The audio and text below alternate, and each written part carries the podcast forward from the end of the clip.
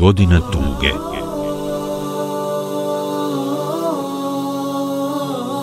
Tek što se okončaše bojkot i izolacija, kojoj su muslimani na Ebu Talibovom posjedu bili izloženi skoro tri godine, poslanika sallallahu alaihi veselem pogodi nova nevolja, koja mu teže pade od svake dotadašnje nevolje.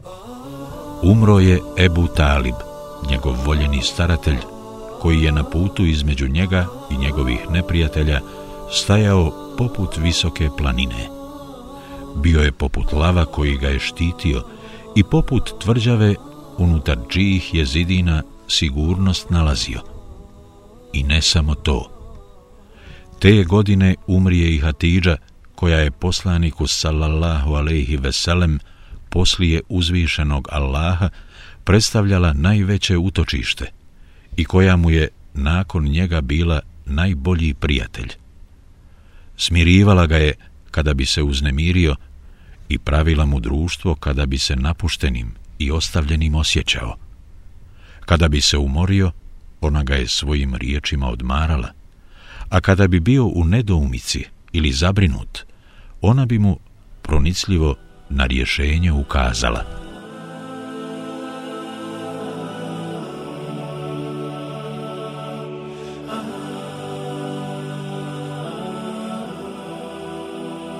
Smrt Ebu Taliba i Hatidže Desete godine po poslanstvu Ebu Talib se teško razboli, a kada Kurejšije saznaše da boluje, posjetiše ga i od njega zatražiše da pokuša razgovarati sa svojim bratićem Muhammedom sallallahu alaihi veselem.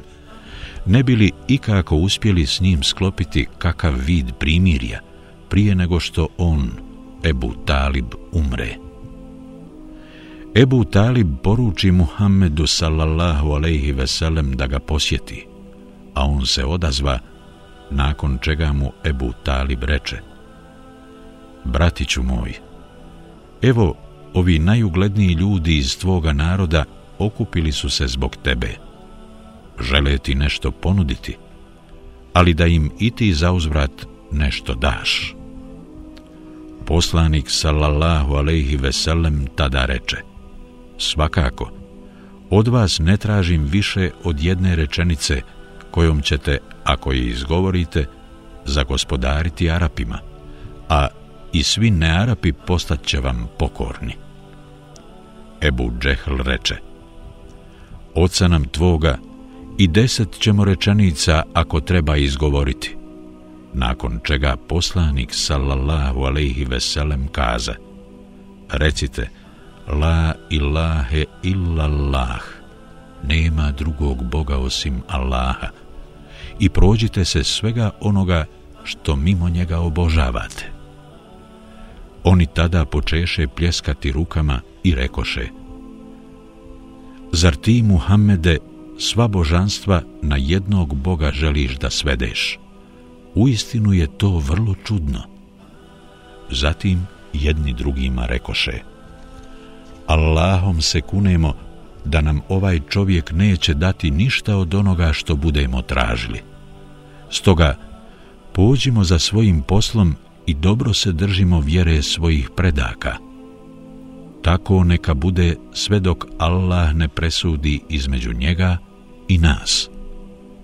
Potom se raziđoše, a u vezi s njima bijahu objavljeni ajeti s početka sure Sad. Sad. Wal Qur'ani vi zikr. بل الذين كفروا في عزة وشقاق كم أهلكنا من قبلهم من قرن فنادوا ولا تحين مناص وعجبوا أن جاءهم منذر وقال الكافرون هذا ساحر كذاب أجعل الآلهة إلها واحدا إن هذا لشيء عجاب وانطلق الملأ منهم أن امشوا واصبروا على آلهتكم إن هذا لشيء يراد ما سمعنا بهذا في الملة الآخرة إن هذا إلا اختلاق سعد tako mi Kur'ana slavnog doista su bahati i nađije oni koji neće da vjeruju. Koliko smo mi naroda prije njih uništili. I oni su za pomoć vapili, ali je bilo kasno. Oni se čude što im je jedan od njih došao da ih opominje i govore nevjernici. Ovo je čarobnjak, lažov. Zar on da bogove svede na Boga jednog? To je zaista nešto veoma čudno. I oni ugledni između njih krenuše. Idite i ostanite pri klanjanju bogovima svojim. Ovim se uistinu nešto veliko hoće. Zar ovo nismo čuli u vjeri predaka naših? Ovo nije ništa drugo, već namještena laž. Sad, 1 do 7. Vremenom se Ebu Talibovo stanje još više pogorša, te mu poslanik sallallahu alejhi ve sellem ode u posjetu i zateče kod njega nekoliko idolopoklonika. Obratio mu se sljedećim riječima. O Amidža, posvjedoči da nema drugog Boga osim Allaha. To su riječi koje će mi biti dokaz da se za tebe zauzimam kod Allaha na sudnjem danu. Ebu Talib tada pogleda u prisutne starješine idolopoklonika.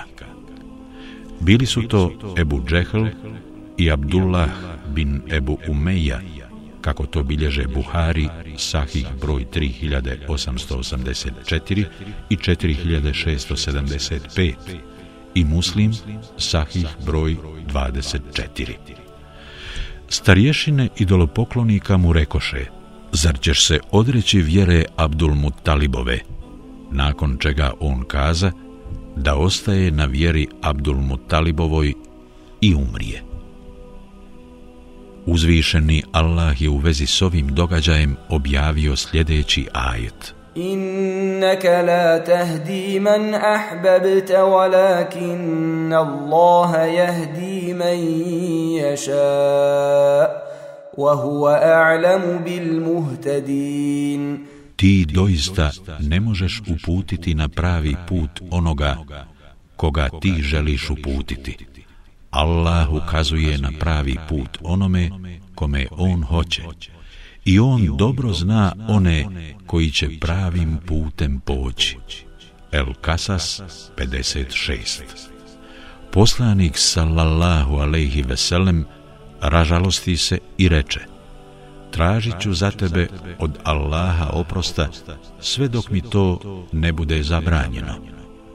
Buhari, Sahih broj 3884, Muslim, Sahih broj 24. Povodom toga uzvišeni Allah objavi sljedeći ajet. Ma kana lin nabiyyi wal ladina amanu an yastaghfiru lil mushrikin walau kanu uli qurba min ba'di ma tabayyana lahum annahum ashabul jahim. Vjerovjesniku i vjernicima nije dopušteno da mole oprosta za mnogobožce, makar im bili i rod najbliži, kad im je jasno da će oni, stanovnici džehennema, biti. Et Tevba 113 Poslanik sallallahu alaihi veselem rekao je da će njegov Amidža Ebu Talib biti stavljen u najpliću vatru, koja će mu dopirati do članaka, a od čije će mu vreline ključati mozak. Buhari, Sahih broj 3885, Muslim, Sahih broj 210. Pedesetak dana poslije Ebu Talibove smrti, na ahiret preseli Hatidža radijallahu anha, majka svih vjernika. Ovako se jedna za drugom zaredaše nedaće i nevolje koje su poslaniku sallallahu alejhi ve sellem vrlo teško pale i silno ga ražalostile. Izgubio je Amidžu koji mu je bio čvrsti oslonac i sigurno pribježište, a ubrzo nakon toga i suprugu Hatidžu radijallahu anha, koja mu je za vrijeme najveće usamljenosti društvo pravila i koja mu je u trenucima najvećeg straha, zabrinutosti i nemira uvijek smiraj pružala. Nakon smrti ove dvije voljene osobe, mušlicima postade čisto polje za zločinačko djelovanje, te poslanika sallallahu alaihi veselem počeše napadati češće i otvorenije nego što su to činili prije. Između ostalog, počeli su ga zasipati nečistoćama, donositi mu ih pred vrata i ubacivati ih unutar same kuće. A jednom su otišli tako daleko da su nečist ubacili i u lonac u kojem se spremala hrana.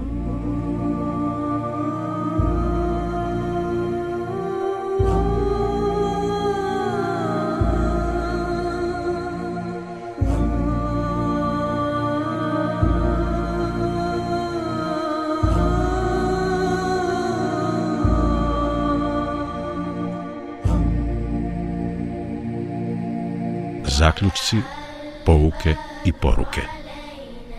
Prvo, precizirana je godina u kojoj su umrli Ebu Talib i Hatidža radijallahu anha, a to je deseta godina po poslanstvu. Drugo, spomenut je i posljednji pokušaj idolopoklonika da sa poslanikom sallallahu alaihi veselem pronađu kompromisno rješenje i dogovore primirje. Međutim, to im nije pošlo za rukom, jer su bili ogrezli u mnogoboštvu i idolopoklonstvu. Treće, ukazano je na povode objave ajeta iz sura Sad, Etteba i El Kasas. Ajeti s početka sure Sad objavljeni su povodom neuspjelog mušličkog pokušaja da sa poslanikom sallallahu alejhi veselem sklope mirovni sporazum – dok je povod za objavu ajeta iz sura Et-Tevba i El-Kasas bio Ebu Talib. Ajetom iz sure Et-Tevba uzvišeni Allah zabranjuje poslaniku sallallahu alaihi veselem da za Ebu Taliba traži oproste. A ajet iz sure El-Kasas biva svojevrsna utjeha poslaniku sallallahu alaihi veselem, te poruka – da ne tuguje zamidžom koji je umro kao mnogobožac. Četvrto. Nizanje nedaća koje su jedna za drugom pritiskale i opterećivale poslanika sallallahu alejhi ve sellem bile su nagovještaj skorog spasonosnog izlaza iz tegobne situacije. Peto. U činjenici da je poslanik sallallahu alejhi ve sellem bio iskušan velikim nevoljama i opterećen ogromnim problemima, svaki vjernik treba pronaći utjehu te ustrajati na pravome putu bez obzira na veličinu iskušenja i tegoba kroz koje prolazi u životu. Jer vjernicima i vjernicama Muhammed sallallahu alejhi ve sellem mora biti najljepši uzor u svemu.